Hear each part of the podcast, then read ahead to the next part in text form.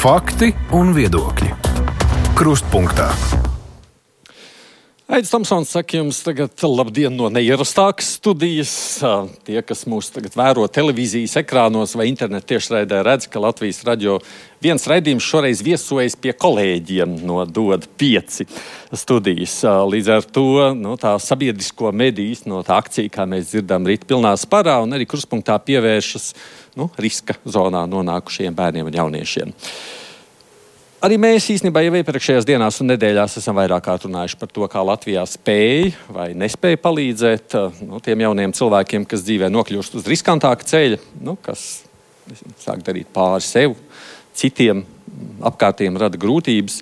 Mums pagājušajā trešdienā bija diskusija Latvijas raidījā viens ēterā par naukšēnu likvidēto šo sociālās korekcijas centru un tām iecerēm veidot krietni labāku alternatīvu Latvijā. Bet nu, runājot par sistēmu, mums atkal un atkal nāks atzīt par vienu no lielākajām problēmām, kāda ir, ka mēs pārāk bieži nespējam palīdzēt tad, kad grūtības tikai parādās. Nu, kāds bērns agresīvs, sāk lietot apreibinošus līdzekļus, kleņot tā tālāk. Mēs vai nu nezinām, reizēm arī negribam, nespējam iesaistīties laiks. Nu, tad, kad ir jau pavisam grūti, tad reizēm arī palīdzēt kļūst pat neiespējami. Kāpēc tā, ko darīt, lai šo situāciju mainītu, tas arī ir mūsu šīs stundas temats šeit. Stikla studijā, vārds stikla studija man labi patīk, skan labi. Šeit ir no Rīgas domas labklājības departamenta piedalīsies sociālo pakalpojumu nodaļas ģimenēm un bērniem vadītāja Līga Tetere. Pareizi pieteikts. Ja? Pareizi, jā, labdien. labdien. Uh, labklājības ministrija mums pārstāv valsts sektāra vietniece Diāna Jakaite. Jā, labdien. Pašvaldības savienības padomniece veselības un sociālajos jautājumos Ilze Rudzīte. Labdien. Nu, un arī valsts kontrolas padomas locekla Māja Ābolīna. Labdien! Tas biežākais jautājums arī patiesībā, ko radio saņemam, mēs tad, kad runa ir par bērniem, jauniešiem, un tas apmēram tā skan. Mūsu klasē ir agresīvs bērns, nu, vienalga, tur kaut kāds, kāds nozadzis, parādījušās narkotikas, jebkas cits. Tātad, kāpēc nekas netiek darīts? Nu, tad, viens saka, skolotājs liekas neredzams, cits saka, ka nu, šo bērnu vajag no klases padzīt, vai at, at, ko, tur ir ļoti daudz, vai arī šajā brīdī sākās. Um, nu, protams, nav jau tā, ka nekur neviens neko nedara. Ne? Bet nu, katrs mēs spriežam no savas pieredzes. Un es nešaubos, jau, ka ir daudz to labo piemēru. Bet kāpēc? Tik bieži atskan šie jautājumi. Jūs arī saskaraties Rīgā ar šiem jautājumiem. Pilnīgi noteikti. Un ko jūs sakāt uz šo? Nu, man uzreiz gribās mazliet mainīt fokusu no neviens neko nedara uz to, ka uh, darām un mēģinām darīt. Un, uh, un jāsaka tā, droši vien tas jautājums vienmēr atdurās pie personālajām cik daudz katrs no mums var izdarīt. Un tas, ka mēs esam varbūt sociālie darbinieki, mēs esam dienestos strādājam vai pakalpojumus sniedzam, mēs esam atbalsta personas skolā. Mēs noteikti jāsaka, esam ieguvuši zināmā mērā vienāda veida izglītību, un tomēr mūsu spējas un prasmes iestāties situācijā kā profesionāļiem, kad tas skar bērnu un profesionāli ir jāpalīdz, viņas būs atšķirīgas. Cilvēciskais faktors. Arī tā skaitā. Jo, Jā, kādi tieši zinu? Otrs jautājums, cik daudz mēs esam šajā jomā, kas var iestāties un būt blakus bērnam, un būt blakus ģimenei, ka tas ir vajadzīgs un noreaģēt. Jo kur ir pirmie pamani skolas vai ne visbiežāk? Nu, es domāju, tas ir ļoti atkarīgs no bērna vecuma. Nu, vispirmie tie ir uh, mediķi. Tas ir ģimenes ārsti jau sākot no tā brīža, kad bērniņš ir pavisam maz, jau tajā brīdī var identificēt tad, ja grūtības. Problēmas. Uh, nu, medicīniskas problēmas, bet tās nereti ir izpaužas pēc tam bērnu uzvedībā, gan pirmsskolā, kur ir pirmsskolas pedagogi, uh, un tālāk jau tā ir skola, un te ir stāsts par to šo agrīno diagnostiku, kas ir jāveic šobrīd, ir noteikts ģimenes ārstiem, ja pareizi atceros, līdz bērna pusotra gada vecumam. Tālāk ir šis pirmsskolā skrīnings 5-6 gadīgajiem bērniem, kur arī pedagogiem ir jāvērtē nu, bērns no dažādiem aspektiem. Bet tas ir tad, ja tās ir medicīnas. Nē, ne tikai. Ne, ne nu, tikai. Kādēļ tikai medicīnas? Tās ir varbūt kādas mācīšanās grūtības, tās varbūt ir arī kaut kādas saskarsmes grūtības, tās ir grūtības ģimenē kur arī var caur šo identificēt pedagoģiju. Nu, bērnu dārzā taču bērns ir kā uz dēlnes. Bērnu dārzā, jā, Man kādreiz mana skolotāja teica, ka bērns ir ģimenes spogulis. Nu, tā jau arī ir. Tie pedagogi ļoti labi redz. Nu, ģimenes ārsts arī, nu, da, kā bērns attīstās, kā bērnā um, arī šie te medicīniskie aspekti, bet psiholoģiskie aspekti. Nu, eh, tas sarunās ar ģimenes ārstiem um, ir no viņiem ir saņemta informācija, ka viņiem jau ilgstoši šāds skrīnings ir. Un, nu, tā tad tam būtu jāstrādā. Bet vēl kas ir svarīgs aspekts, kā informācija no katra šī posma seko tālāk. Nu, jā, par to. O, jo tas, ko jūs sākat, jūs sakat skolā, nu, tas jau ir nu, kaut kādas droši vien sekas visdrīzāk. Kādam ā, ģimenes aspekti, medicīniskie aspekti, vēl kādi aspekti, vienaudži, sadarbība ar pedagogu skolā. Nu, tur var būt ļoti, ļoti daudz iemeslu. Lūdzu. Jā, es mēģināšu vēl arī kopsavilkt. Tas, kas mums vienmēr jāatcerās, ka bērnu uzvedība tā ir tāda. Uh, tas jau dažreiz ir rezultāts. Tātad, tas nav cēlonis, tas ir rezultāts. Un, uh, to ir skaidri jāapzinās. Un tas rezultāts tas var būt medicīniski iemesls, bet tur ir arī sociāli iemesli. Tātad arī tas, ko kolēģi runāja pirms tam, tātad agrīnā diagnosticēšanas sistēma, pie kā šobrīd arī tiek strādāts, skatoties jā, nu, to bērna perspektīvu gan no medicīniska rakstura, no vecāka, no skolas, no pirmsskolas, skolas skatu punkta. Tās mērķis ir maksimāli ātri saprast, vai, tīri, vai ir kaut kāda medicīnisks ierobežojums vai, vai eh, situācijas, ar kurām bērnam būs grūtāk tikt galā.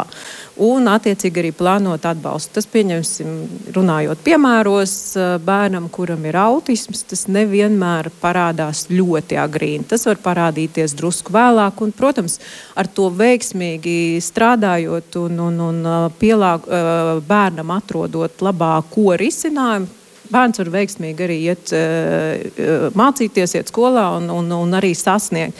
Bet to ir jāpamana. Un ir jāplāno at, attiecīgi pakalpojumi. Es kāpēc es iesāku to sākumu, redzu no tā mm -hmm. paša sākuma.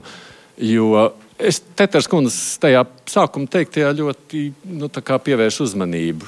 Tas cilvēciskais faktors. Jā. Nu, nu, nu kā, jebkurš bērns ir nu, ļoti beigās atkarīgs no tā, kādu skolotāju viņam trāpās. Jā. Kādu skolēnu? Un ne blakus, tikai kāda skolotāju. klase, jā, kādi vecāki. Jā. Nu, viņš jau nu, viņš ir būtībā atkarīgs no ļoti daudziem ļaudīm apkārt.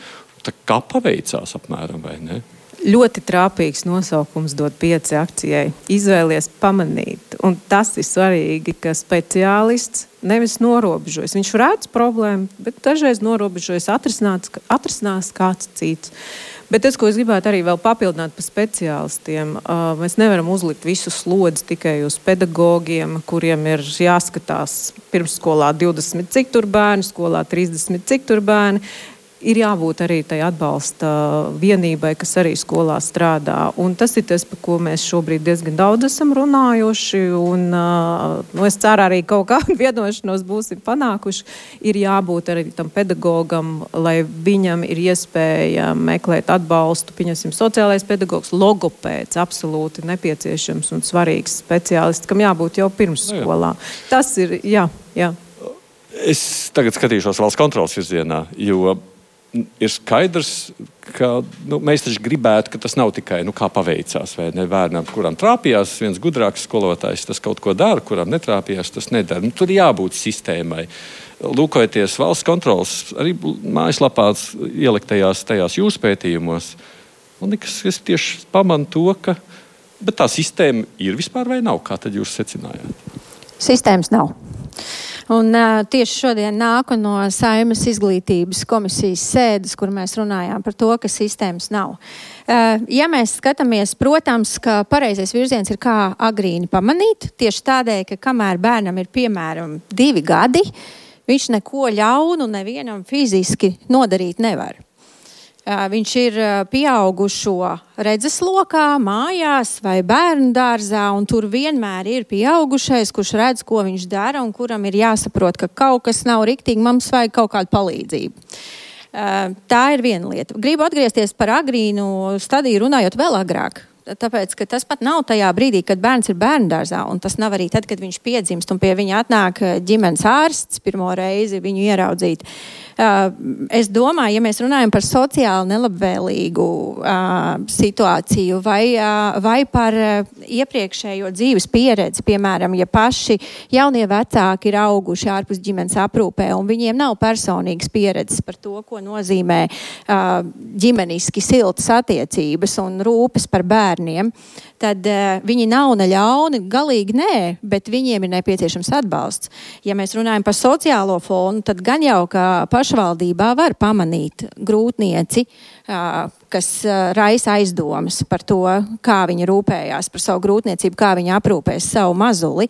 Tā uh, to visu, nu jau tādā profesionālā, sistēmiskā līmenī par to runājot, mums ir problēmas, kā pašvaldības pamana un identificē. Bet mums taču ir sociālie dienesti, vai ne? Nav jau tā, ka mums nekā nav. Institūcija mums ir daudz un dažādos līmeņos, bet sākums ir pašvaldībā. Bet, ja mēs skatāmies uz to, kas institūcijām ir, un ir jādara un kur ir sākums, tad tā saucās sociālās vides izpēte. Pašvaldībām ir jāpazīst savi iedzīvotāji, viņu struktūra un jāatpad, jānovērtē viņu vajadzības risku līmenī, lai varētu plānot un veidot sistēmu. Un šeit es gribu teikt, ka mēs desmit gadus valsts kontrolē norādām uz šādu ieteikumu, ka pašvaldībām tas ir jādara, jāiemācās un jāizmanto dati Un tas nenotiek. Tas vēl līdz šai dienai nenotiek. Ja mēs ar piemēriem ilustrējam, kāda ir situācija, tad nu pat pabeidzot trešo revīziju, bērnu revīziju ciklā, mēs aizvien varam no valsts kontrolas puses apgalvot, ka ir lielākā daļa pašvaldību, kuras nezin, cik tajās dzīvo ģimenes ar bērniem. Nerunājot par detaļām, cik ir viena vecāka ģimenes, cik ir daudz bērnu ģimenes, kāds ir viņu sociālais stāvoklis, kādas ir bērnu bērnu vajadzības. Ja mēs paskatāmies uz ļoti riskanto galu, kur problēmas ir samilzušas jau, kur bērni izdara likuma pārkāpumus, administratīvus vai krimināla rakstura no, eh, noziegums jau, tad uh, tur ir viena datubāze mūsu valstī, saucās sodu reģistrs, kurā būtu jāieskatās. Bet uh, ieskatoties šajā datubāzē un salīdzinot datus ar uh, pašvaldību pašvērtējumu, kā viņas vērtē, cik pie viņām ir bērnu likuma pārkāpēju, atšķirās divas, trīs reizes reizes, kas vienkārši parāda, ka pat tik uh, jau galēji nepieciešama un vienkārši sameklējama informācija pašvaldībās nemaz nav. Kāpēc? Jums ir savs, nu, jūs taču runājat, acīm redzot, tad, kad revizori ir iet uh, uz pašvaldību. Kāpēc? Um, viens ir darbs ar datiem, kas mums klibo visās jomās, bet otra lieta ir tā, tieši tas, par ko ir šī akcija. Ja pieaugušais savas kompetences ietvarā redz problēmu, vai viņam viņa ir jāredz, un dati parāda problēmu, tad tas nozīmē, ka kādam ir jāuzņemas atbildība un kādam ar to ir jāsāk strādāt. Nu, mums ir divi pārstāvji, kas pārstāv vai nu Rīgu vai pašvaldības savienību. Nu, kāpēc tā? Nu, diezgan skarbi vārdi no valsts kontrolas. Es noteikti valsts kontrolē šajā brīdī piekrītu daļēji, jo, manuprāt, daudzas pašvaldības uh, vērtē uh, gan to, kādas sociālās grupas ir, gan kādas ir to vajadzības. Varbūt uh, nav tāds visaptverošs pētījums, kā gribētos redzēt pētījumu veidā, bet, lai izanalizētu šos datus, starp citu, šogad arī ar Labklājības ministriju kopā iesaistot arī mm, vairākas citas institūcijas, uh, tika strādāts pie um, šāda datu apkopojuma, kādi dati būtu iekļaujami, kādi būtu analizējami pašvaldību līmenī. Nu, tāds kā ieteikums, eh, eh, kādi vispār dati ir pieejami. Jo es arī pieļauju, ka par atsevišķiem reģistriem vai tām kopsakarībām varbūt pietrūkst informācijas, vai arī nav kas tā tiešām visaptveroši paskatās. Un, uh, droši vien tur ir gan liels cilvēka resurss, ir vajadzīgs, lai arī tos datus, kas uh, ir šajā Excel tabulā, kas tika apkopota, lai tos visus iz izanalizētu. Tas ir nu, tiešām ļoti apjomīgs pētījums. Izkāpsim ārā to jā, ja drīkst. Arī jūs, var jā. domāt par to, kādi ir pakalpojumi vai kādi pakalpojumi trūkst. Ja drīkst, izkāpsim uzreiz ārā no tās datu, nu, nezinu, Excel tabulas tu vienkārši gadījumi. Mēs jau taču katrs dzīvojam kādā no pašvaldībām. Līdz ar to mēs zinām, nu, mums tur ir nu, kaimiņos tāda situācija, citos kaimiņos tāda, uz ielas tāda. Nu, droši vien jau, ka visu pašvaldība nemaz nezina. Sociālie dienas tiešām jūs sakāt, kas zina, kur ir problēmas, kurās ģimenēs, kuras ir tās, kurām vajadzētu pievērst uzmanību, kuras vajadzētu apkopot. Uh, noteikti ievot. par visām nezinu. Jā. Tie paši kaimiņi, kas redz, vai tie paši pedagoģi, vai mediķi, vai kopumā sabiedrība neinformē, ka lūk, šur, šeit ir uh, iespējams kāda problēma. Nevelti arī uh, ir pašvaldībām šis pienākums pārbaudīt informāciju, ja ir saņemta par to, ka kādam ir nepieciešama palīdzība. Un tā gadījums uz gadījumu, nu, tas. Uh, Redz, mēs iesākam jau no šīs. Es, es gribu, ka jūs visi iesaistīties tieši šajā. Tas sākums, vai mēs vispār apzināmies, vai mēs apzināmies, kuriem vajag palīdzēt. Jo man liekas, ka no šejienes daudz kas sākas. Es gribu, ka jūs visi sakāt, jā. Nu, es uh, par to palīdzēt, uh, gribu pavirzīt to sarunu plašāk. Mēs nerunājam tikai par sociāli nelabvēlīgām ģimenēm, kurus mēs kaimiņos varam pamanīt, ka tur lieto alkoholu, bērni nav pieskatīti un tā tālāk. Bērnu problēmu cēloņi ir plaši. Un, ja mēs runājam par izglītības iestādi un par to sākotnējo uzstādījumu, ko darīt, mans pirmais jautājums ir, kurā klasē, kurā vecumā mēs kā klases biedru vai grupiņas biedru vecāki pamanām, ka tur kaut kas nav kārtībā. Tā, tā būtu nu, bērnu dārzā bieži jau pamana. Nu, tas ir labi, ja bērnu dārzā, bet ļoti bieži mēs par to runājam skolas vecumā, it īpaši, ja par agresiju un par tādām jau fiziskām aizskaršanām, tad skolas līmenī.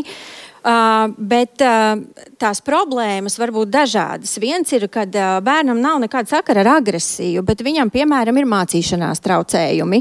Uh, kas prasa dažādu veidu atbalstu. Un, ja mēs iedomājamies bērnu, vienalga kurā klasē, ja viņam ir problēmas lasīt vai uzmanību noturēt, kam vajag ļoti vienkāršs atbalsta pasākums īstenībā savā būtībā, un ja tas netiek nodrošināts, tad cik mēnešu laikā nesaņemot palīdzību, viņš jau izkrīt no tā mācību ritma un jau sāk sajusties nepilnvērtīgs. Kurā brīdī pieslēdzās attieksmes jautājums no vienaudžiem, no skolotājiem, un kurā brīdī parādīsies situācija, ka viņš jau vairāk negribēs iet uz skolu.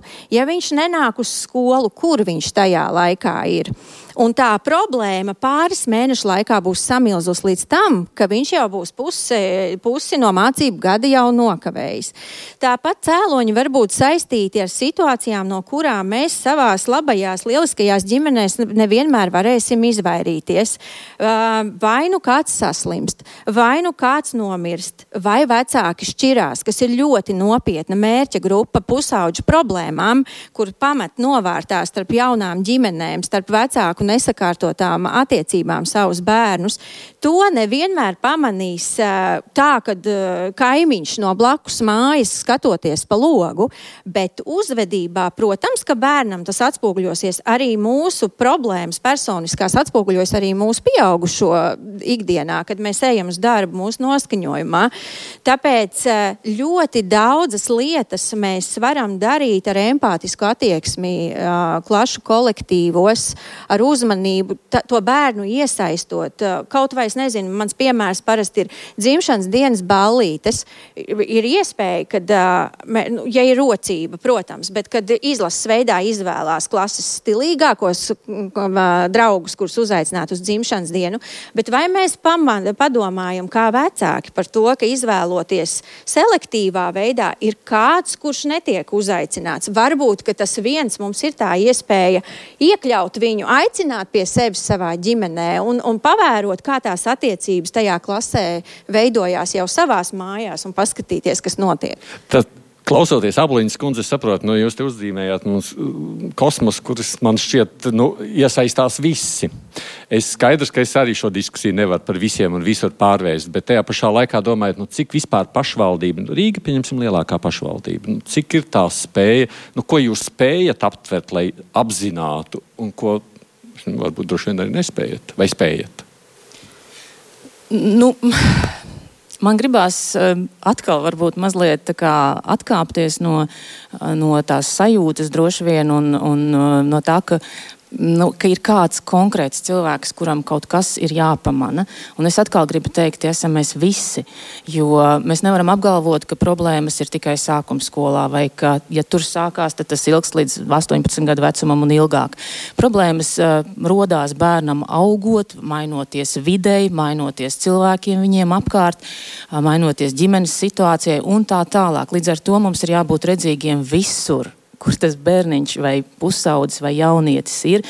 Un, un, un tas, kurš to redz, tam ir jābūt tam spējīgam to novērtēt un padot to ziņu tālāk, kur labi. jau tad ir tie speciālisti, kuri jau tad var sākt domāt ar to, kā tad palīdzēt. Nu, lūk, un tad labi, un ieraudzīt un palīdzēt, droši vien tie nebūs pilnīgi vieni un tie paši vai cilvēki, vai ne? Zinām, kam ko padot tālāk.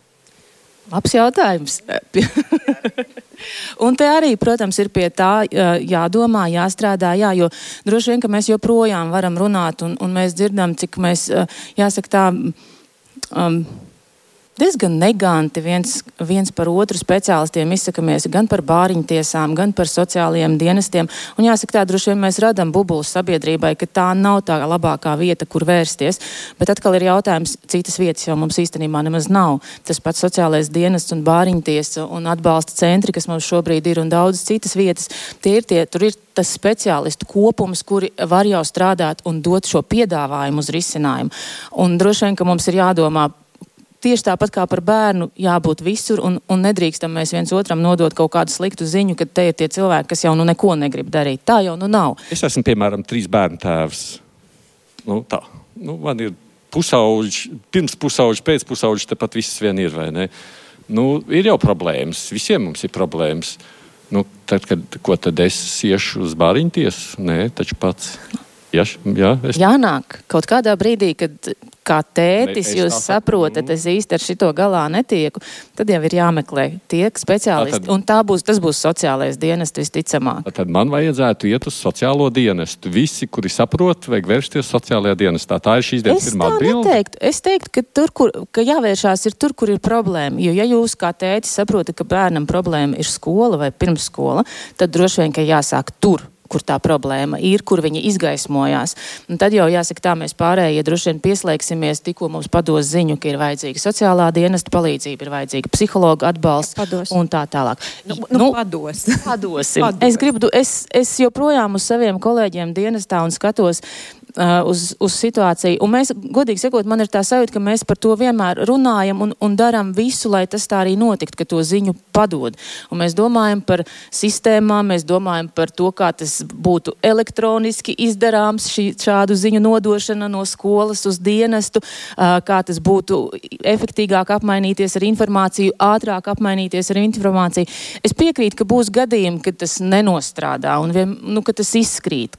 Bet nu, kopumā man liekas, ka tā centība un tā vēlme šādas situācijas minimalizēt, viņas noteikti ir. Bet es gribu teikt, ka jā, mē, mums būtu tās grūtības, kas ar bērnu notiek, jāmēģina ieraudzīt un izgaismot tur, kur viņas ir pamanītas. Jo tad mēs nonākot pie tā otrā jautājuma, no nu, tajā brīdī, kad mēs pamanām. Tad ir tas jautājums, ko darīt. Inform... Jo šeit jau arī, man liekas, ir kaut kādā brīdī jautājums par sistēmu. Nu, tādā sakārtotā situācijā es zinu, jā, ja man būs šādas problēmas, tad man vajadzētu tur vērsties. Ja ir šādas, vajadzētu tur. Man liekas, var jau būt, ka es alojos, bet tā, tādas īstas skaidrības nav. Nu, bet jums nekad nebūs viens punkts vai viens telefons, kurš var atrisināt visas savas uh, problēmas. Tāpēc mēs uh, patiešām... Te vienas pieturas aģentūra nedara. ne, nu, nebūs vienas pieturas aģentūra. Tāpēc, problēmas būs pārāk dažādas. Jā, problēmas būs dažādas. Un tas, kas ir, jā, ja problēma ir skolā, nu jūs neskriesiet uz sociālo dienestu uzreiz risināt šo problēmu. Bet, ja problēma ir skolā, ko var atrisināt skolas vidē, viss ir labi. Bet, ja tā problēma ir skaidrs, ka skola netiek klāta, tad ir obligāti jāpieslēdz arī sociālais dienas un skolām. skolām mēs, jā, un to dara skola, un tas ir tas, ko mēs šobrīd arī ar skolām runājam, ka pie lielākām problēmām jūs nesat vieni. Jums ir jāziņo, veidojiet attiecības ar sociālo dienestu, kas ir jūsu pašvaldībā. Tas ir tad, ja ir skolā pamanīt un, un, un dienas, bet uh, nu, ir arī, ir arī uh, citur. Jā, dažreiz cilvēki pa, ir cita veida problēmas, ar kurām var vērsties savukārt sociālajā nu, bet, dienestā. bet es atkal redzu šeit palieku pie tā. Kāpēc ne, nav tādas vienas pieturas? Jo es, pieņemsim, vai kā vecāks, vai kā kaimiņš, vai kā nezinu, skolas, ja es nezinu, ko darīt, man, es varētu piezīmēt, pajautāt, kur man ar šo problēmu vajadzētu vērsties? Vai uz sociālo dienestu, vai uz bāriņu tiesu, vai varbūt uz skolu? Nu, vienas pieturas, aģentūra, kā teicu, nebūs, jo arī Uh, nu, teorētiski jūs varat piezvanīt uz klientu apkalpošanas centru, bet uh, šie speciālisti uh, nav trenēti uz to, lai sniegtu šo ceļu tieši šādu problēmu risināšanā. Bet tas, kas ir, manuprāt, ir ļoti labie piemēri, mums arī šo pirmdienu bija. Uh, Izglītības, un kultūras, un veselības un sociālo jautājumu komitejas kopsēde, kur uh, izskanēja divu pašvaldību labie, labās prakses piemēri. Bet uh, šie, šī prakse, kaut vai no saldus uh, pašvaldības, uh, jau ir multiplicēta, manuprāt. Uh, Nu, es desmit gadus uh, par šo zinu. Visdažādākos pasākumos mēs esam par to runājuši, gan ar sociālajiem dienestiem, gan arī citos formātos, kur ir uh, precīzi atrunāts. Uh, Uh, algoritms, nu, tas tāds modernais vārds šobrīd, bet faktiski kas ir jādara? Ja pedagogs identificē, piemēram, bērnam grūtības, ja viņš saprot, ka tā, uh, tās grūtības ir, piemēram, uh, bērns nav pāēdis. Bērnam ir netīrs apģērbs, bērnam trūkst mācību līdzekļu, vai tur, piemēram, ir klases, tad tālāk ir jau uh, uzrakstīts priekšā tas ceļš, eh, kur tam pedagogam griezties. Ja būs šis te, mm, finanšu līdzekļu trūkums, tas ir sociālais dienests, tā ir saruna ar vecāku, ka ir šī iespēja vērsties sociālajā dienestā un iespējams arī uh, informācija dienestam par to, ka šāds gadījums ir. Uh, ja tie ir sarežģītāki gadījumi, tad uh, saldus piemērs, ka nāk kopā šī skolas atbalsta komanda, kura tad saprot, uh, kas tās ir par problēmām ja šīs nav tās nu, tiešām tādas pamatvaidzības, bet tur varbūt ir attiecības ar vienaudžiem, tad jau ir tiek iesaistīts risinot un sniedzot atbalstu bērnam, arī šis atbalsta personāls, kas skolā ir pieejams. Un savukārt, ja tas ir atkal sarežģītāks gadījums, tad tiek piesaistīts sociālais dienests iespējams. Noteikti šeit nedrīkst aizmirst arī izglītības pārvaldi, kas ir tiešām atbildīgā par vispār skolu tīklu pašvaldībā. Un nereti arī pie izglītības pārvaldēm ir nu, tādi atbalsta speciālisti, psihologi, jo nu, nav noslēpums, ka kopumā Latvijā šie atbalsta speciālisti trūkst trūkst, un tad nu, nereti ir viņi koncentrēti piemēram pie izglītības pārvaldēm. Kāpēc es to jautāju? Pie skolām tūlītās arī eh, dosimies tālāk mūsu sarunas gaitā. Tikai pie šī izvēles ieraudzīt lūk, moto. Mēs jau varbūt pat tie, bet es zinu, kā tas ir. Es esmu runājis ar ļaudīm, kas man tā saka, nu jā, es jau redzu, ka tā izskatās, bet nu, a, kam tad es zvanīšu? Nu kam? Nu kam? Uz kurieni? Cilvēks nezina. Nu, tā, viņš arī tāpēc nepiezvan, ka viņam jau nav īsti skaidrs. Es par šo sistēmu, kurā nu, mēs katrs zinātu, ko darīt. Tas nav jautājums, kas tomēr ir jārisina.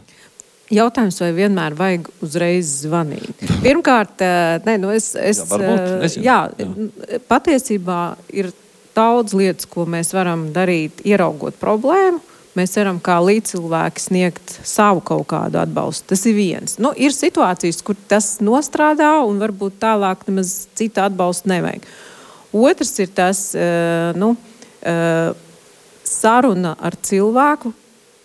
Zini, Klau, es redzu, ka tev vajag atbalstu. Atrodam kopā, kur vērsties. Nu, jo, ja cilvēks pats negrib šo atbalstu, tas ir jau daudz kur pierādījies. Uh, viņu ir jāmēģina tomēr nomotivēt, ka jā, vajag, lai pēc tam nākamie pakalpojumi, kas sekos, nu, tāpat pieņemsim ar atkarību, ja ir jautājumi. Ja? Tad tas, ka cilvēks pieņems, bet mēģinam atrast kopā, kur vērsties.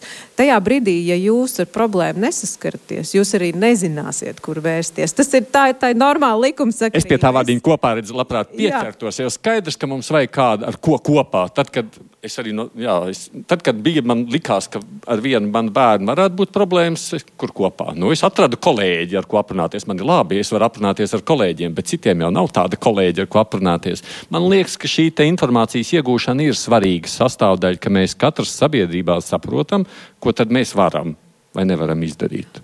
Bez šaubām, ka uh, mums nav informācijas, un uh, tas, par ko mēs uh, no valsts kontrolas puses esam runājuši arī iepriekš, mums ir jāmaina sabiedrības attieksme. Jo tādēļ, ka mums ir tas informācijas vakums un instrumentu vakums, mēs nonākam pie tā, ka mēs vēršamies pret to bērnu. Nevis pret cēloņiem, kuru rezultātā viņš rīk uzvedās tā, kā viņš uzvedās, bet pret bērnu. Sodīt, tas ir mūsu vienīgais instruments. Uzlikt sodu, tā tad ar negatīvo pieeju, nu un, protams, izolēt. Un, uh, tas ir tāds ļoti īstermiņa risinājums, izolēt, tāpēc ka mēs viņu izolējam uz laiku no, no vienas uh, sabiedrības otrā, bet tas bērns jebkurā gadījumā atgriežas vienā brīdī. Un, ja viņam nav bijis kvalitatīvs pakalpojums tajā izolācijā, viņš atgriežas briesmīgāks nekā mēs viņu esam tur aizsūtījuši sākumā, un viņš uh, apdraud mūs vēl vairāk. Tāpēc attiecībā uz informācijas pieejamību un vispār. Uh, tas ir, tas ir jautājums, ko darīt, kam ziņot, vai to sadzirdēs, vai uz to notiks tālāk reakcija, kaut vai tajā pašā izglītības iestādē, un tā situācija tur noteikti atšķirsies, ja tur būs entuziastisks skolotājs un entuziastisks atbalsta personāls un skolas vadība būs organizējuši šo procesu skolā, tad tur viss tad būs paveicies, un ja tas tā nebūs, un tas tā nav, daudz kur tas tā nav, tad arī nekur nenotiek, nonāk līdz traģiskām sekām, un tad visi tajā brīdī mums ir traģisks gadījums, tagad mēs varam izolēt. Ja, bet tagad pie šī arī paliekam. Reiz jūs iesākāt, turpiniet, lūdzu. Jūs esat uh, redzējuši, skolas tiešām zina, skolotāji vai nezina, ko darīt. Nu, kā izskatās no jūsu revīzijas? Ja tieši par skolām tas, ko mēs valsts kontrolē esam vērtējuši, ir atbalsta personāla pietiekamība, secinot, ka viņš nav pietiekams. Mēs esam vērtējuši to, kā notiek informācijas saziņa, bet ne iekšā skolā, bet jau skolā ar sociālo dienestu izglītības pārvaldi, kur viņa nenotiek. Nenotiek. Nenotiek. Viņa, protams, nenotiek. Jau, piemēram, ja mēs paskatāmies uz izglītības pārvalžu darbu ar skolām, viens no piemēriem ir kavējumi. Man ļoti patīk šis piemērs, tāpēc, ka vispār, ja mēs pasākam ar sevi kā vecākiem, cik atbildīgi mēs attiecamies pret bērnu skolas kavējumiem, bet ja tās ir trīs uh, dienas, tad īstenībā tas jau ir skaitās ilgstošs kavējums. Un, kā mēs paši pret to attiecamies, tālāk ir, ko skola dara ar šiem neataisnotajiem ilgstošajiem kavējumiem. Bet principā skolai jau dienas laikā ir jāsazinās ar vecākiem, skolai šī informācija ir jāievada informācijas sistēmā, kur eksistē. Izglītības pārvaldē viņi ir jāredz un jāanalizē, un, ja nepieciešams, tālāk jāziņo sociālam dienestam un bāriņtiesai, ka tas tā notiek, un tas tā nenotiek.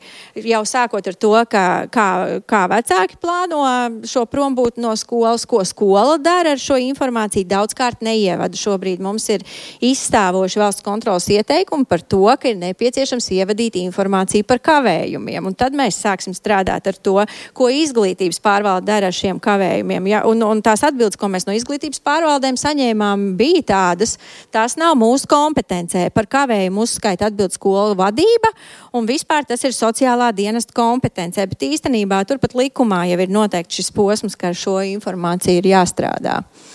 Mums vienkārši tas nešķiet tik svarīgi. Jā, tieši tā. Tieši tā. Ja, iespējams, ka viss tā problēma ir tāda, ka nu, mēs pievēršamies tad, kad nu, jau ir problēmas nopietnākas. Kamēr nu, tas ir vēl tikai nu, stundas kavē, kaut kādu dienu, nedēļu basto, nu, tas jau vēl nu, nu, labi. Tur, kamēr jau. stundas kavē, jau ir problēma. No, nu, tas var liecināt par to, ka nu, ir Tieši tā, tas ir kaut kāds, jā, skaidrs, varbūt situācija iesnas galvasā, vēl kaut kas, un, bet tad jau parasti vecāki laicīgi pabrīdina gan skolu. Bet, nu, es domāju, ka mēs nevaram visu likt vienā grozā, jo ir skolas, kuras šo sistēmu patiešām ir atstrādājuši un strādā. Un tie ir labie piemēri, un mēs gribētu vairāk arī runāt par labajiem piemēriem un skolām vienai no otras mācīties.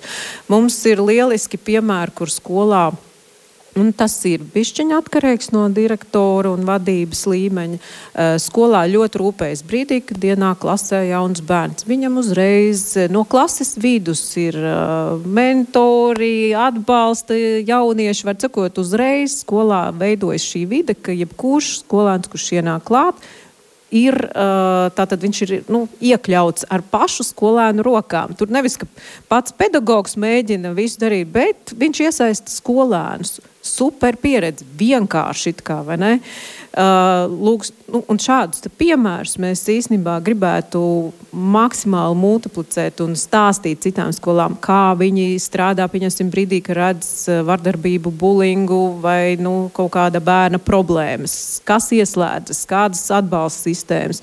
Mums ir daudz lieliskas programmas, tā pati moto programma, kur uzreiz var noreaģēt un, un pieslēgt. Tā pati šobrīd jau arī attīstās tā saucamā Kīva programma, kas arī strādā ar uh, bulingu skolā. Bet, nu, tur, protams, ir vajadzīgs arī speciālisti, kas ir apmācīti un spēj šīs programmas īstenot. Ja drīkst, es mazliet pati esmu trenere un uh, strādāju ar tiem uh, jauniešiem. Un kāpēc es saku, ir ļoti svarīgi līdz cilvēkiem iesaistīties. Mēs to varam darīt savu bērnu klašu kolektīvos un tā tālāk.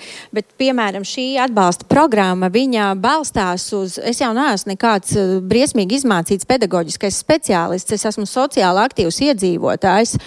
Tās ir divas dienas, un tā, tas ir mans brīvais laiks, ko es esmu nolēmusi šai lietai ziedot. Es eju pie svešiem bērniem, ne pie savējiem. Un, bet tie nav problēma bērni. Tā ir vienkārši septītā klase, tāda, kāda viņa tur ir. Mēs kopā spēlējam spēles un atklāti runājam par dažādām situācijām. Noteikti katrs mototreneris pilnīgi citādāk iznes to tēmu, tāpēc ka mēs katrs esam kā cilvēki savādāki. Bet mūsu vieno mērķis vienkārši tos bērnus savest kopā. Uh, nu, tā kā tāds team building pasākums, tas ir uh, kopā, tā kopā būšanas reizes. Un ja tajā kolektīvā nav kaut kādu nu, tiešām nopietnu lietu tiem bērniem, ar to jau vien pietiek, lai īstenībā viņi sadraudzētos un kļūtu iekļaujošāki viens pret otru. Redz, mēs te pieminām tādus nu, dažādus jaukus piemērus arī tajā visā. Tas jau, ko mums gribētos, ka Latvijā tas nav tikai nu, kā paveicās, ka man gribētos, ka tas veidojās kā tāda sistēma, nu, kurā nu, nu, kurā visa Latvija varētu funkcionēt tajā labajā piemērā. No kā, ja, kā to panākt? Aizdomīgs klusums, vai ne? nu, Nav jau viena recepte. Tas, tas kā mēs redzam, nu, normatīvajos aktos nevar visu ierakstīt, un tas nebūtu risinājums. Eh, līdz ar to nu, tas ir tāds ilgs, sistemātisks darbs ar to, uh, lai mūs, mūs veidojas šī vērtība, ieraudzīt un vērtība un spēja, nu, vēlme ir izcināt. Jo, nu, man liekas, tur arī mēs apstājamies, ieraugam problēmu. Mēs jau arī šo laikam vairāk kārt šodien pieskārāmies, bet uh, Pat ja es nezinu, kur vērsties, tas mani neapstādina. Es meklēju šo iespēju, kur vērsties, es to arī atrodu. Un, ja es nepareizi arī aizgāju, nu man iedos un parādīs to ceļu. Svarīgi ir runāt un neapstāties tajā ceļā. Man gribētos redzēt arī Latvijas sabiedrību sociāli aktīvu, saka, nu, negaidām, ka visas problēmas atrisinās valsts, pašvaldība vai vēl kāds. Mēs paši arī spējam atrisināt problēmas, mēs spējam iesaistīties. Un, uh, es, cik es varēju, mazliet arī sekoju līdzi tiem piemēriem, kas uh, izskanējuši šajā studijā. Nu, fantastiski tie cilvēki, kas pieredzējuši problēmu savā dzīvēm Viņi iet pie nākamajiem, kur redz, ka ir tā pati problēma un palīdz atrast to ceļu. Tas ir sociāli aktīvs cilvēks, un katrs šāds cilvēks dod pienesumu un spēj to problēmu risināt. Es nezinu, vai tas izklausās sistēmiski, bet tajā brīdī, kad atbalsts sniegšana ir mūsu vērtība, uh, nu, tas, jau tāds, tas, tas jau ir sabiedrības sasniegums. Bet jā, tas, ko mums no sistēmiskā viedokļa ir jādara, ka tomēr tā sadarbība starp, tātad, ja es redzu kā pedagogs, vai es redzu kā medicīnas darbinieks, vai es redzu, nezinu, kā sociālā dienas darbinieks, ja es redzu, ka vajag pieslēgt citus, es pieslēdzu. Un tā jau tā sistēma arī veidojas. Labklājības ministrijas valsts sekretāra vietniecei jādodas prom vienkārši šobrīd. Es arī skatos pulksteni Diāna Jakaita. Paldies jums, ka atnācāt šeit uz sarunu, bet mēs šeit paliekam. Man liekas, redzi, nu, ko mēs no valsts? No valsts mēs gaidām lielo ietvaru, kaut ko, kas varētu palīdzēt. Man šķiet, ka šajā virzienā jau tāpēc tās acis vairāk raugās pašvaldības vietā vietvaras virzienā, jo vietvar ir tuvāk cilvēkiem, vietvar ir tā arī, kaut kā skolas vietvaras ziņā, sociālajie dienesti vietvaras ziņā. Tāpēc jau skatās, nu, ko darīt, lai, lai šis ir sistēmisks risinājums. Nu, tomēr tam ir jābūt valsts sistēmai. Protams, arī katra pašvaldība ir ar uh, savu, savu seju. Uh, Uh, taču šai atbalsta sistēmai, manuprāt, ir jābūt valsts Ko no sistēmai. Valsts vajadzētu? Uh, uh, mans sapnis būtu tāds, ka mums Latvijā tiktu ieviesta šī līdzīga sistēma, programma, sauciet, ja kā gribat, šīs bērna 1001 dienas, kur ir uh, pirmām kārtām atbalsts jau, kā Maijas kundze minēja, grūtniecības laikā, uh, pirms uh, bērniņš piedzimst, un tad noteikti atbalsts. Uh, pēc bērna piedzimšanas, kur tiek iesaistīti visdažādākie speciālisti. Un secīgi tiek būvētas arī citas šīs sistēmas, atbalsta sistēmas. Nu, mums jau Latvijā arī bija mēģinājums ieviest šo agrīno preventīvu atbalsta sistēmu. Uh, 4-5 gadi atpakaļ pirmais konceptuālais ziņojums, kur identificētas visas problēmas. Nu, ir arī apmēram pateikts virziens, kurā mums uh, doties, lai šis agrīnais atbalsts būs. Bet kāpēc valsts, kāpēc ne pašvaldība? Uh, nu, mēs saprotam, nu, mēs pavisam nesen bijām arī pieredzes apmaiņā, apmaiņā Norvēģijā. Šīs, tas arī, ko Diāna Jakaita, manuprāt, teica, šīs smagās programmas vai, vai ļoti tāds finanšu ietilpīgās, ir skaidrs, ka tur ir jākoncentrē gan finanšu resursi, gan arī cilvēku resursi. Norvēģijā, piemēram, šī. Nu, tas jau gan tādiem jau, jau bērniem un pusauģiem ar tādām izteiktākām uzvedības pro problēmām. Viņiem šī, šīs programmas nesēji ir reģionālie centri, uh, manuprāt, kādi deviņi visā Norvēģijā, kur arī tiek veidotas šīs komandas, kas strādā ar bērniem, nu, kas ir dot pieci šī gada nu, auditorija. Un arī viņi saprot, ka viņiem nav tik daudz šo speciālistu, nav tik daudz šo finanšu resursu. Un, un turklāt, tad, kāda, nu, jebkuru programmu izveidojot, šobrīd mums SOP 47 dažus gadus tiek ieviesta. Šobrīd Kīvenu nāks vēl, tiks ieviestas. Vēl virkne citu programmu. Kādam ir jābūt šo uh, programmu kvalitātes turētājiem? Proti, jūs teikt, ka ja tas ir tādās tikai novadu vai pilsētu pārziņā, tad tas būtu pārāk sadrumstalot katrā pa kaut kur. Tas ir viens risks. Protams, ir jāvērtē, cik, nu, kāda programma. Šobrīd pašvaldībās daudz vietā tiek apmācīti vietējie speciālisti, un, piemēram, bērnu emocionāla audzināšana, ceļvedis. Um, audzinot pusaudzi, kas ir teiksim, uh, darbs ar vecākiem, uh, darbs ar uh, vecākiem un bērniem, ko var arī vietējie speciālisti. Bet šīs, kur prasa varbūt īpašu speciālistu kompetenci, tas var būt reģionu līmenis. Es nezinu, bet nu,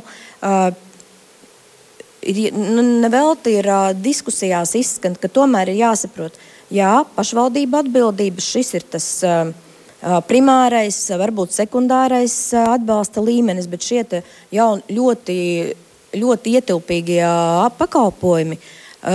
Varbūt tas ir iesaistot valsti pašvaldību. Jo turklāt vēl ir jāņem vērā, ka šie pakalpojumi ir daudz sektorāli. Tātad tur ir veselība, izglītība, labklājība.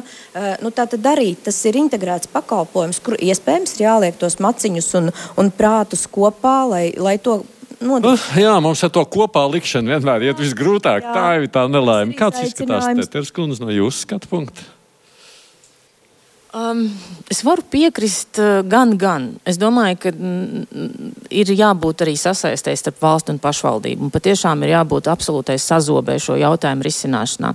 Bet tas, ko es gribētu teikt tādā Rīgas pieredzē, par, uh, un, un varbūt sasaucoties to, ko kolēģi teica no valsts uh, kontrolas par datiem viena lieta ir uh, datu ievākšana, otra lieta ir šo datu izgaismošana un šo datu analīze. Un, ja mēs runājam par tādām situācijām, ar kurām nu, teiksim, mēs redzam, ka tur var saskarties bērni, ģimenes un tā tālāk, ir svarīgi pašvaldībā šos datus analizēt, vērtēt un uh, laicīgi arī dot signālu savai vadībai un, un, un tiem cilvēkiem, kas var pieņemt lēmumus par finansēm. Pašvaldībai pietrūkst resursu šo visu izanalizēt? Uh, pašu, vismaz Rīgā mēs to darām. Man ir grūti pateikt, kāda ir tāda, ja mēs šeit runājam par tādu labu praksi, tad es varbūt jāsaka tā, Rīgas pašvaldībā nestrādāju tik sen, bet atnākot strādāt, es biju ļoti patīkami tādā ziņā, nu, pārsteigt vai iedvesmota, cik uh, Rīgā analizē datus un veido tādas saucamās tendenci atskaites reizi ceturksnī. Ko tas reāli nozīmē? Tas nozīmē, ka mēs sadarbībā ar Rīgas sociālo dienestu mēs tiešām analizējam datus par saviem pakalpojumu sniedzējiem, par mēģgrupām, mēs runājam ar saviem pakalpojumu sniedzējiem par tendencēm, ko ir nepieciešams uzlabot pakalpojumos, ko ir nepieciešams, cik pakalpojumiem ir iespējams jābūt elastīgākiem, izmaiņas saturā un tā tālāk. Un to mēs darām reizi ceturksnī. Un, uh, šādām saviem vērojumiem, par šo datu analīzi, par pakalpojumu efektivitāti, klientu apjomiem, vai mums ir pieaugums, vai mums ir rindas, vai mums kaut kas trūkst. Mēs informējam arī savu pašvaldības vadību. Tā, tā ir tāda savstarpēja sazobe, un jāsaka tā, tas Rīgas prakse patiešām ir tāda, ka mēs ļoti laicīgi, līdz ar to mūsu pašvaldības vadība ļoti laicīgi uzzina jau par tām vajadzībām, kas ir Rīgas ģimenēm, Rīgas bērniem, un mēs ļoti laicīgi varam arī plānot un runāt par to, ka jā, šeit ir vajadzīgs pakalpojums un šeit mums būs vajadzīgs finansējums. Un tad tas arī faktiski notiek, jo, protams, ka jāsaka tā, un tur var arī piekrist, tad ir jau lietas, kas notiek, tikai lietu ieviešanai ir jāsaprot, ir vajadzīgs laiks, jaunu pakalpojumu izstrādē ir vajadzīgs laiks, un arī Rīgas praksa ir tāda, ka, lai mēs kādai mēģgrupai ieviestu jaunu pakalpojumu, taiskaitā bērniem un jauniešiem, mums vajadzīgs diezgan ilgs laiks, lai mēs izanalizētu situāciju, saprastu, ko mums tieši vajag, kā mēs varam palīdzēt, dabūt atbilstošu finansējumu, piesaistīt resursus, un tas reizēm ir gadu un divu gadu jautājums. Jā, atslēgu uz to, ko darīt, lai mēs mainītu sabiedrības attieksmi un iedotu instrumentus atbildīgajām uh, amatpersonām dažādās institūcijās, skolās un ārpus skolām kaut ko darīt ar bērniem un viņiem palīdzēt, ir jā, pakalpojumi. Un to mums katastrofāli trūkst uh, visos veidos, jo sarežģītāks pakalpojums, jo vairāk viņi trūkst. Ja par Rīgu mēs runājam, Rīga parasti iekrīt kā labais piemērs ar to, ka jā, nu, mums ir galvaspilsēta un uh, ķeksīšu pēc vienmēr sanāk tā, ka Rīgā ir pakalpojumi. Visi, citur valstī nav, Rīgā ir, bet ja mēs paskatāmies uz bērnu skaitu Rīgā, tad, eh, teiksim, 114 tūkstoši bērnu 20. gadā, gandrīz 3 tūkstoši ar uzvedības problēmām, teju 10 tūkstoši ar uzvedības problēmu iestāšanās risku. Pakalpojumus, šos kompleksos pakalpojumus saņem apmēram 200 bērni, tātad simti pret tūkstošiem ar tām vajadzībām. Un ja mēs paskatāmies uz to, to, kas notiek Rīgas skolās, tad kopumā mēs noteikti arī par Rīgu nevaram teikt, ka mums Rīgā viss ir ideāli. Tas varbūt tieši tāpēc, ka arī politiķi, kas lemj par naudas piešķiršanu pakalpojumiem, nu, tas nav bijis. Nu, tās problēmas ir dažādas, bet tur, kur es piekrītu attiecībā uz Rīgu, paskatoties dziļāk, kad ir šīs sadarbības grupas, kur patiešām tiek analizēta situācija un pakalpojumi tiek meklēti, nu, tādi saturiski, kā tos labāk attīstīt, un Rīgā tie pakalpojumi, kā tādi protams, ir jautājums ir par apmēru, cik, da, cik daudz viņi ir pieejami. Bet tas, ko mēs no valsts kontrolas puses sakām, mums ir ļoti daudz jau šo gadu laikā, kādus, ka es jau kādus gadus piecus vismaz sekoju intensīvi šiem jautājumiem līdzi tas, eh, ka vajag agrīni, ka mums vajag pakalpojums tādus un šitādus gan agrīnos, gan ielaistos gadījumos. Par to visi speciālisti runā, par to nav strīdu, bet mēs netiekam līdz šīs idejas realizācijai. Un viena no lietām, ko mēs sakām, ir nevis ilgstoši. Uh, meklēt labāko starptautisko pakalpojumu praksi, tad viņu aprobēt, pēc tam vēl kaut ko ar viņu darīt. Bet mums ir šie labie piemēri, Rīgā ir pakalpojumi, piemēram, jūrmalā pašvaldības sociālā pārvalde ļoti aktīvi strādā ar likuma pārkāpumu profilakses darbu, kur ir labi piemēri multiplicēt. Multiplicēt šo labo pieredzi uz citām pašvaldībām. Kā, kā, kā? kā? Jā, nu tā ir šī informācijas apmaiņa. Mēs visu laiku sniedzam ieteikumus labklājības ministrijai, ka viņiem kā nozars turētājiem ir jāveicina tā sadarbība pašvaldību līmenī.